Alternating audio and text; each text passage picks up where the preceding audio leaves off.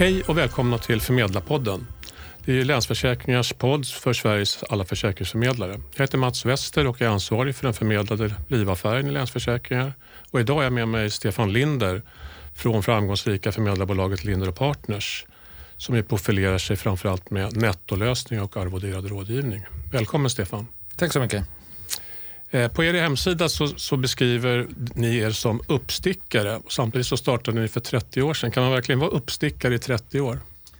Eh, ja, men det verkar nästan så. Vi, är fortfarande, vi har inte övertygat hela marknaden, vare sig bransch eller kunder, om vår modell med nettolösningar än. Så att, eh, vi är fortfarande lite avvikande, även om vi har många stora och små eh, kunder. Men ni uppstickare på samma sätt sedan starten? Det är, ja, det, har, det är nettorådgivning? Ja, det är nettorådgivning. Mm. Vi har inte ändrat modell på de här 30 åren som jag har jobbat i bolaget. Mm. Hur hamnade du i förmedlarbranschen? Hur ser liksom resan ut? Ja, men från början så jobbade, eller jag är ekonom från början och sen så jobbade jag ett par år på eh, Handelsbanken. Eh, och sen eh, så jag var intresserad av att ge ekonomisk rådgivning och sprang på eh, det här bolaget som jag jobbar som är Linder Partners. Då hade jag som kund i ett halvår och sen så fick jag frågan om jag inte ville börja jobba med rådgivning. Eh, och så på den vägen är det. Och då var det inte så stort? Det var, då var, det var ett enmansbolag då. Det var ett enmansbolag. Mm. Och han som startade det, han slutade för 20 år sedan. Ja. Drygt. Ja. Och så blev du kvar? Så blev jag kvar. Ja. Är det svårt att övertyga kundföretagen om det här med nettolösningar och, och betala separat för rådgivning? Ja, det har väl aldrig varit svårt att förklara fördelarna men, men det är väl alltid lite svårare att förklara den här... Eh, ty, det, det, är ibland svårt när man är så tydlig med att saker och ting kostar någonting eftersom det i alternativa världar eller hos våra konkurrenter kan upplevas att man får saker och ting gratis. Eh, då blir det lite svårare emellanåt. Men eh, nyttan för de anställda är ju oftast väldigt stor men, men den är svår att mäta och framförallt mm. nyttan för företaget som är våra kunder mm. i slutändan är ju svår att mäta då om det är de anställda. Varför, varför fastnade ni för det här och varför valde ni den här modellen? För när ni startade så var ni ensamma i princip om att åtminstone jobba konsekvent med den här modellen. Nej, men det enskilt viktigaste det var ju att kunna vara helt oberoende. Som vi hade. Att inte ens behöva teckna en försäkring eller en pension överhuvudtaget utan kunna säga det som är absolut bäst för kunden. Nej, men spara inte i pension, nu, nu tycker vi förvisso att det är den bästa lösningen i de allra flesta fall. Men, men att kunna ge dem alltid de bästa råden oavsett vad, eh, några andra incitament än just det. Mm.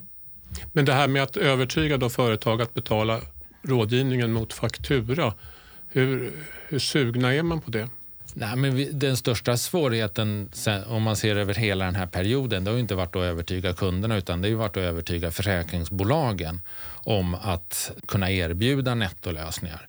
Det fanns ju inga nettolösningar och systemen hos försäkringsbolagen både då och nu är ju fortfarande lite svåra eller komplicerade så det är inte så lätt att erbjuda.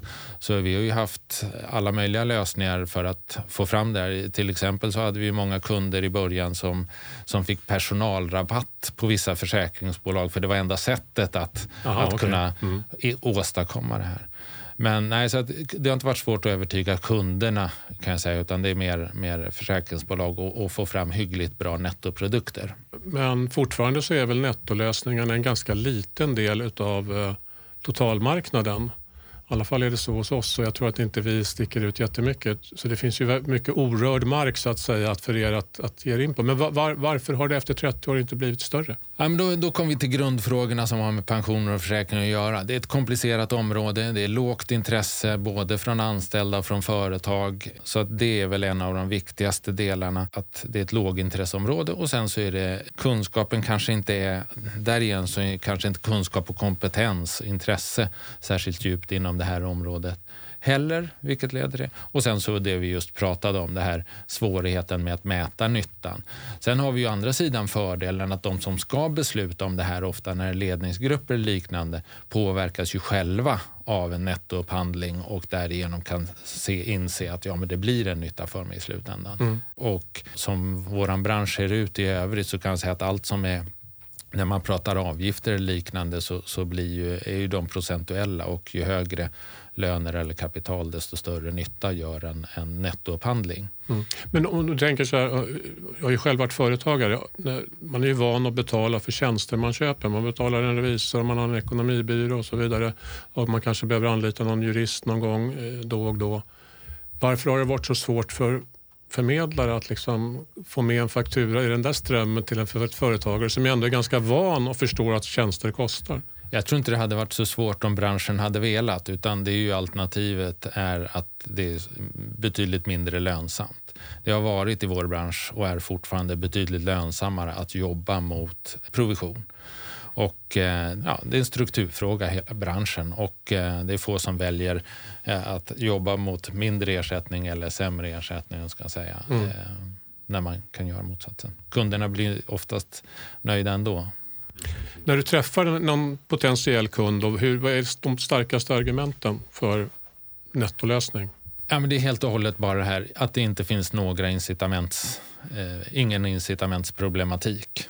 Att vi verkligen inte har några andra, andra incitament än att ge det bästa rådet för varje enskild kund mm. i, i alla de olika frågor. Som, som och när ni träffar en kund, då är det HR, för det är väl HR-avdelningarna som är de som är så att säga, er motpart eller medpart eller vad man nu ska Absolut. beskriva det. Det i första hand. Hur skulle du beskriva kompetensen hos dem har, under de här 30 åren? Har, det, har den ja, vuxit det... och för, förbättrats? Är, är det svårt att få någon som jobbar på HR att vara intresserad av pensionsfrågor? Ja, absolut. det var inte därför de började jobba med HR? För Nej, det var inte det. Det finns ju naturligtvis komponent, på de större företagen så finns det komponentansvariga som kan och på de riktigt stora företag så finns det pensionsansvariga som kan och kan eh, räkna. Men det är ju inte alla, det är ju väldigt få på HR-avdelningen som tycker om att räkna och det behövs ju lite räknande i många fall för att se nyttan av, mm. av nettoupphandlingar kan jag säga. Men kompetensen och intresset har i alla fall vuxit, för ni har vuxit? Absolut, jo men det har det absolut. Mm. Det, det, är ju en, naturligtvis en, en jättestor förändring. Men det har gått betydligt långsammare. Även om vi har väldigt många stora kunder numera så har det ju gått betydligt långsammare. Och vi trodde ju till exempel för 20 år sedan när, när AstraZeneca och Ericsson bröt upp värdekedjan att det skulle gå betydligt fortare mm. från då. Men, eh, ja. Ni är fortfarande är ni det enda förmedlarbolaget som, som är helt profilerade på nettolösningar eller har ni någon konkurrent bland förmedlarbolagen? På stora tjänstepensionsplaner så upplever vi inte att vi har någon konkurrent längre. Vi har haft mm. några konkurrenter eller kollegor tidigare men de är antingen uppköpta eller bytt, bytt spår. Mm. Men ni kör på ni har, ni varit, eh, har ni haft friare som har velat uh Ja, absolut. Det är klart det har funnits det. Men alltså, vi kommer alltid stå kvar vid den här. Och Det handlar ju inte bara om att vara tydlig med sin affärsidé och fortsätta med den. Nu har vi dessutom bara anställda som vill jobba. Om vi pratar framförallt rådgivare. Så de rådgivare hos oss är en annan typ av rådgivare än jag tror att eh, på många försäkringsbolag eller andra förmedl På vilket sätt är de annorlunda? Ja, men de är... Eh, nu generaliserar vi lite då, men kan säga att hos oss så ska man ju bara ge rådgivning. I väldigt många fall historiskt sett så har man ju också haft en drivkraft i form av egen intjäning. Hos oss tjänar man inte lika mycket som om man är riktigt framgångsrik eh, förmedlare på, no, ja, på en provisionsdriven affär. Kan säga. Hur stort är Lindra Partners idag? Hur många rådgivare är ni? Vi är drygt 25 anställda. Hälften är rådgivare och hälften är administratörer plus eh, några stödfunktioner. Mm. Hur ofta tycker du att en vanlig anställd i ett företag ska få rådgivning? Alltså hur, vi, hur frekvent ska det här bli? Standardmodellen har ju varit varje år eller vartannat år åtminstone har man beskrivit det så. Hur ser ert tänk ut kring det? Det finns ju naturligtvis otroligt olika behov bland olika anställda och samtidigt som vi sa här alldeles nyss, det, det är ju ett lågintresse för det här så att vi har en hel del företag som erbjuder rådgivning årligen till alla anställda. Men det är ju inte så att vi ser ett överutnyttjande. Det är ju inte så kul med pensioner och försäkringar Eh, utan, är, det, så fri, alltså man, man har möjlighet att boka möjlighet, en tid? Är det så det funkar? Möjlighet, där företaget säger att du har möjlighet att få en rådgivning mm. och de får ett erbjudande varje år. Men det är ju inte alla som accepterar mm. eller vi, tackar ja till det. Eh, och vi ser inga som liksom överutnyttjar. Det har vi, under de här 30 åren har vi aldrig haft någon, någon som överutnyttjar. Men om man skulle säga, ja, vad, är, vad är rimligt då? Ja, men det är kanske eh, på ett normalföretag med en eh, högre tjänsteman, kanske vartannat år att man får ett erbjudande, sen tackar man ja så ofta man vill. Men sen tycker vi att man bör erbjuda, eller att det är väldigt bra om man erbjuder en händelsestyrd rådgivning, så att man får rådgivning i samband med att man anställs, i samband med familjehändelser, i samband med eller inför pension. Är intresset större då också att vara med Ja. vid, familje, alltså vid händelser? Ja, absolut. Mm. Jo, men det är ju alltid så fort det händer något i familjen, någonting som påverkar eh, familjesituationen eller privatekonomin också för den delen. Det kan ju vara att man köper sitt första boende eller gör något större så, så finns det ju ett behov. Men, men om man tar den där, det ser ju olika ut över livets gång kan jag säga, eller ålder. Om man tar då en eh, 25-årig tjänsteman som har precis kommit in i ITP1, ja men det är väl bra att få rådgivning första gången där hur man ska tänka kring placeringar. Mm. Sen kanske det inte behövs en rådgivning förrän man börjar skaffa familj tre eller fem år senare eller någonting sådant. Och sen kan det gå ytterligare några år till nästa gång. Men sen ju närmare pension man kommer så tror jag de flesta har behov av rådgivning allt oftare. Och då är det också väldigt stora kapital det handlar om så att det är väldigt stora ekonomiska beslut. Mm. Om du skulle liksom rangordna placeringsdelen i rådgivningen och försäkringsdelen. Det är lätt, åtminstone när man följer någon slags allmän debatt så tror man att det är lätt att få intrycket att den här rådgivningstillfällena, det handlar mycket om att sitta och välja fonder. Men, men hur, hur ser det ut i era möten? Nej, det, det, är ju ingen, det är ju inte särskilt många kunder som är intresserade av själva placeringen om vi ska vara ärliga. Utan det, det allra viktigaste är ju att ha rätt försäkringsskydd oavsett ålder. Sen kanske det är, försäkrings, det, det är mer förändringar på det området upp till 50 års ålder när, när familjesituationen har förändrats och så vidare. Och sen kanske det övergår till ett större intresse och desto viktigare för placeringsdelarna eh, ju mer kapital och ju närmare pension man kommer. Men det handlar ju vad det gäller placeringsdelen eller pensionssparandet, då är det framförallt risknivåerna och eh, behovet och individuella riskviljan som är, är det viktigaste. Eh, inte de specifika placeringarna, för det är väldigt få som ändå är riktigt intresserade av. Jobbar ni med någon slags modellportfölj eller är det liksom individuell anpassning per, per rådgivare och kund? Eller hur, hur, Ja, men det, är, det är modellportföljer kan man säga i eh, grund och botten. Mycket breda fonder, mycket indexfonder. Vi är eh, noggranna med att ha låga avgifter, se till att ha låga avgifter för våra kunder på pensionssparandet. Mm. Om man tittar på kundstrukturen då, vad är, vad är det för kunder som fastnar för er modell? Är det stora företag, små företag? Är det några speciella branscher som dominerar? Nej, inga speciella branscher överhuvudtaget. Man kan säga om vi tittar på de företag vi har så är det ju alltifrån enmansföretag till stora företag och när vi startade så var det ju framförallt enmans eller småföretag och egna företagare och sånt. Numera är ju vår största kundgrupp mellanstora och stora företag kan jag säga. Men vi är ju många företag med tiotusentals anställda och sen så har vi naturligtvis många betydligt mindre än där. Inga särskilda branscher. De flesta är ju ITP-företag eller, i, eller tjänstemannaföretag. Vi har kunder över hela landet. Många har ju sina huvudkontor kanske här i Stockholm eller Göteborg, Malmö. Men vi jobbar ju överallt och eh, vi har lite kunder inom ja, försäkringsbransch och, och och eh, banker också. Men, och även har vi jobbat en hel del med kommun och landstingsägda bolag eller kommuner och landsting. Men, men absoluta majoriteten är ITP eller tjänstemannaföretag. Så ni har liksom inget sätt att hitta potentiella kunder där ni kan avgränsa utan det verkar som att ni måste gå till hela marknaden eller? Ja, så kan man säga. Sen, sen så har vi, vi har faktiskt inte eh, varit särskilt aktiva på att försöka få nya kunder utan de kunder vi har fått under eh, väldigt många år är, är ju sådana som har vänt sig till oss antingen via upphandlingar eller direkt kontaktat oss eller via olika upphandlingskonsulter eller liknande.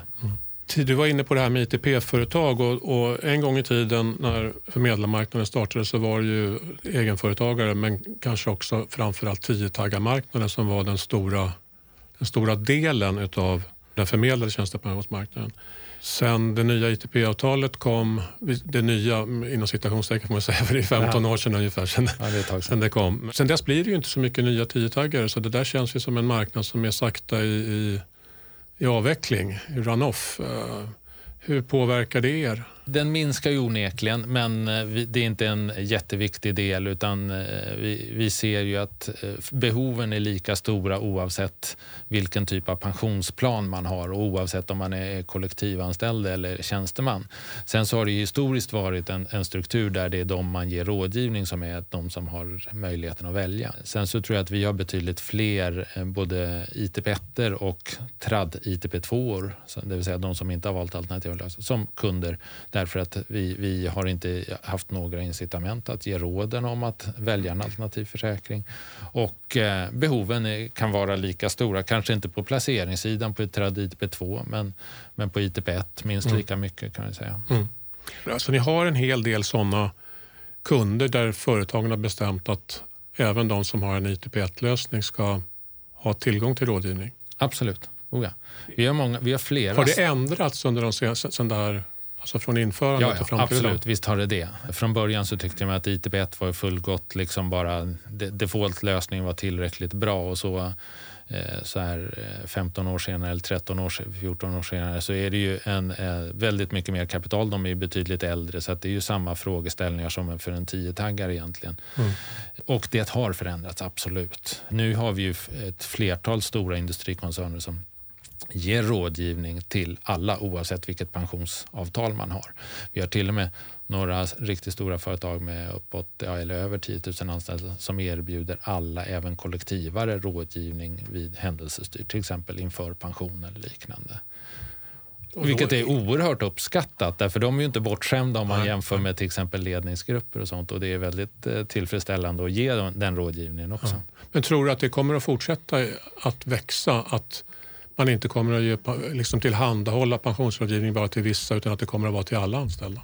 Ja, det tror jag absolut. Och där är, i de här nya ITP, ja, alla de här nya avtalspensionsmodellerna så är ju möjligheten att finansiera rådgivning inom produkten, den, det finns ju inte. Så att, nej, nej, det blir där är er modell så att säga den enda möjliga. Ja, absolut. Sen så har vi även märkt, även om, våra kunder till allra, allra största del är eh, företag och deras anställda, så finns det ju även, vi märker en ökad betalningsvilja för privat, att privat betala för rådgivning också. Mm. Och det kan ju vara att man har slutat hos en, den arbetsgivare som varit kund hos oss. Eh, eller att man går i pension och vill ändå ha rådgivning under eh, ett par år. Mm. Under de här 30 åren som du har pysslat med försäkringsförmedling då, så har det ju hänt en del, inte minst på regelverksområdet. Mm. kan man ju lugnt säga. Om du skulle summera, har de nya regelverken bidragit till bättre rådgivning? Absolut. Alla regelverk är väl i grund och botten till kundnytta, även om det är olika omfattning på dem. Om man säger penningtvätt är väl kanske inte så jättestor kundnytta för tjänstepensionskunder, för det, det har ju varken förekommit eller kommer förekomma tror jag särskilt i hög grad. Men i övrigt så är det väldigt mycket kundnytta och kraven, eller alla kraven beror ju på, på ska vi säga, mindre bra eh, beteenden från aktörer i vår bransch historiskt. Så att det är absolut till kundnytta. Sen så ser ju vi att våra råd inte skiljer sig särskilt mycket eller knappt någonting vare sig man jämför för 10, eller 20 eller 30 år sedan. Däremot så är, kanske, så är det ju den information kunderna får både innan, efter och vår dokumentation om syftet och målet och så vidare är ju betydligt tydligare. Mm. Sen så är det ju så pass omfattande all dokumentation så att det, det är ju inte alltid kunderna orkar ta till sig all information som man får. Nej, men alltså, hur, hur stor del av rådgivningstiden går idag åt till att, att dokumentera? Ja, vi försöker göra så absolut mycket vi kan innan och efter. Nej, men innan. Kunden, kunden, lämnar, kunden lämnar så mycket information, får en, en loggar in och mm. fyller i nästan alla uppgifter eh, de kan och även eh, erfarenhet. och så här. Sen så, mm. ja, Det är klart att det går ju otroligt mycket mer tid än, än tidigare då vi knappt la någonting på, på all den eh, information som vi måste samla in. Mm. Inför varje förändring så har det väl känts övermäktigt men i efterhand så visar det sig att det är klart hanterbart. Mm. Sen så har ju systemen hjälpt oss, utvecklingen hjälpt oss betydligt mycket för att få det hyggligt rationellt. Ja, med den mängden information som måste in så är det klart att det underlättar om man kan göra det digitalt. Det förstår absolut, absolut. Ja. Du var inne på det att förmedlarbranschen eller att er bransch eller vår bransch har, har hamnat i blåsväder från tid till annan. Nu är det kanske varit lite lugnare i ett antal år. Mm. Eh, vad beror det här på att, att eh, förmedlarbranschen tar till, tar till sig eller får så mycket negativ publicitet från tid till annan? Är det... det är väl två, två saker. Det ena är att det har förekommit väldigt mycket eh, dåliga lösningar eller oseriösa aktörer. Och där tycker jag att, att faktiskt Finansinspektionen och försäkringsbolagen har ett ganska stort ansvar båda två. Framförallt Finansinspektionen skulle ha sett till att rensa ut mycket tidigare och haft större resurser för att ta tag i det här för länge, länge sedan. Eh, så att de har tillåtits växa och bli stora och, och göra ganska stor skada vilket då har drabbat oss som bransch väldigt mycket. Men, men ser du att, att det här, de här problemen, är det bara tillfällighet att just nu är det lite lugnare eller kommer nej, det att storma till det, igen? Nej, jag tror att det faktiskt är seriösare. De flesta mm. oseriösa är bortrensade vid det här laget. Sen tycker ju media naturligtvis alltid om att skriva negativa eller, eller uppseendeväckande artiklar eller liknande. Men det är ju inte särskilt många eh, kunder som är missnöjda i, i, i alla fall förmedlarbranschen. Jag skulle säga att det är en väldigt hög, exceptionellt hög kundnöjdhet bland, mm. bland våra kunder. Men jag vet ju att våra, våra konkurrenter också har väldigt hög kundnöjdhet. Mm. Eh, mm. Och jag tror att det är för att vi som bransch levererar faktiskt vad de behöver. Eh, de behöver stöd i de här komplicerade frågorna. Mm. Där gör vi väldigt, väldigt stor nytta de som kallar sig uppstickare idag, eller nya uppstickare, de, det är oftast plattformar med digitala lösningar och egentligen kanske väldigt begränsat inslag eller om, om ens något inslag av personlig eller traditionell rådgivning. Mm. Vad tror du om det? Nej, men jag tror att det är ett jättebra komplement. Eh, behovet finns absolut där. Eh, även om de flesta individer kanske inte är mogna än att följa alla råd eller liknande. Man är fortfarande väldigt osäker. Men vi tror att det är ett eh, komplement som, som, eh, definitivt kommer att finnas finns och, och kommer att, att öka framöver. Mm. Sen så tror vi å andra sidan då att behovet av individuell rådgivning också kommer att öka. Och eh, robotarna kanske framförallt är, är intressantast eller gör mest nytta på placeringsområdet medan själva försäkringsdelen, där är, tror jag den här personliga rådgivningen eh, fyller eh, Som jag fattar, om jag liksom hör vad du säger så inne, du tänker att de digitala lösningarna kommer att vara en del av någon slags framtidens rådgivningsmodell där man kanske då har lite mer utglesade rådgivnings individuell rådgivning med någon rådgivare. Absolut. Men att de, de, de tillfällena kommer att finnas kvar. Absolut. absolut. Mm. Vi har ju många kunder. Det finns ju eh, en, en stor aktör i branschen, Benify mm. Lifeplan, så, som är väldigt stora till exempel. Men det finns ju andra plattformar också. Ja. Många av våra större företag har köpt in Lifeplan Benify och eh, vi funkar jättebra samarbetsmässigt. Vi har samma syn egentligen på, på placeringar långsiktigt. Eh, vi har gjort gemensamma lanseringar och så, så att, eh, bland kunder.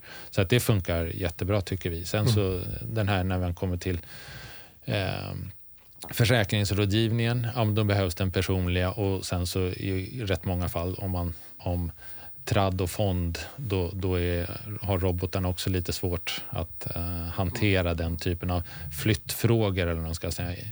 Min erfarenhet är att när företag går in i den här typen av plattformslösningar så är det drivet av att man vill, man får, vill få ner kostnaderna såklart. Det är mm. en viktig faktor.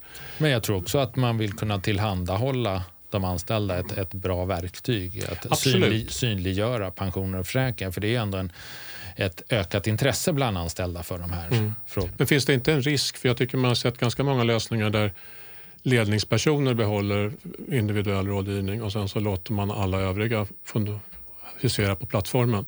Jo, eh. så skulle, jo nej, men det är klart det finns en risk, risk för det, absolut. Ja. Det, men, men ni ser ett ökat generellt intresse bland många anställda att få den här rådgivningen? Ja, vi ser inte att de som har tillgång till, till eh, plattformar eller robotar, att de inte är intresserade av rådgivning eh, via för, nej, för personlig person. rådgivning. Nej, nej, inte, okay. inte alls. Och så är det väl i ganska många fall att ju mer information man får om något desto, desto mer rådgivning vill man ha eller stöd vill man ha. Och det är, är, vi, vi, kan ju ibland tycka att vissa som är otroligt väl pålästa kring eh, placeringar, vi har ju till och med kapitalförvaltare som kunder som är minst lika kapabla som oss att prata eller tänka kring mm. pension, ändå vill träffas för att diskutera till exempel placering av sina pensionspengar. Så att, eh, Ja, jag tror mm. att de, många har ett behov av att ha någon att diskutera. Och man har ju ingen annan att diskutera de här frågorna med riktigt.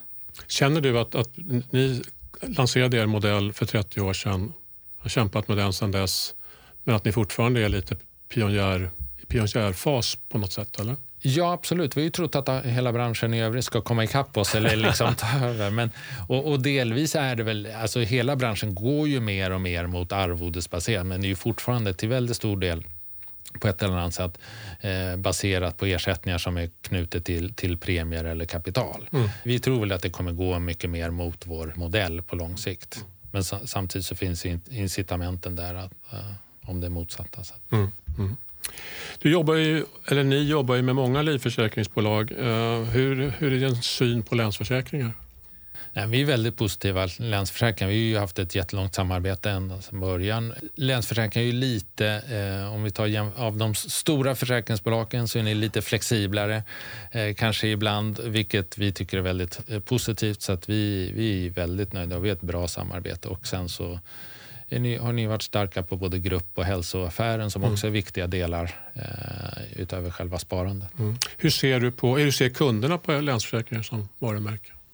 Alltså Generellt sett så är de ju positiva, men, men jag ska säga jag tror inte det är lika starkt som de som är ute i landet. Vi har ju Du tänker här i Stockholm, ja, i storstäderna? Ja, men i storstäderna så är ju, är ju eh, Länsförsäkringar absolut lika starka som de andra stora försäkringsbolagen, men jag tror att ni har en större, eh, starkare position ute i landsbygden på ett mm, annat mm, sätt. Mm. Men ingenting negativt, absolut inte. så. Vad sysslar du med när du inte jobbar? Jag antar att du jobbar ganska mycket, men, men när du inte jobbar, vad, vad, vad gillar du att göra då? Ja, men antingen på landet och snickrar och pysslar eller åker skidor eller seglar. Okej. Okay.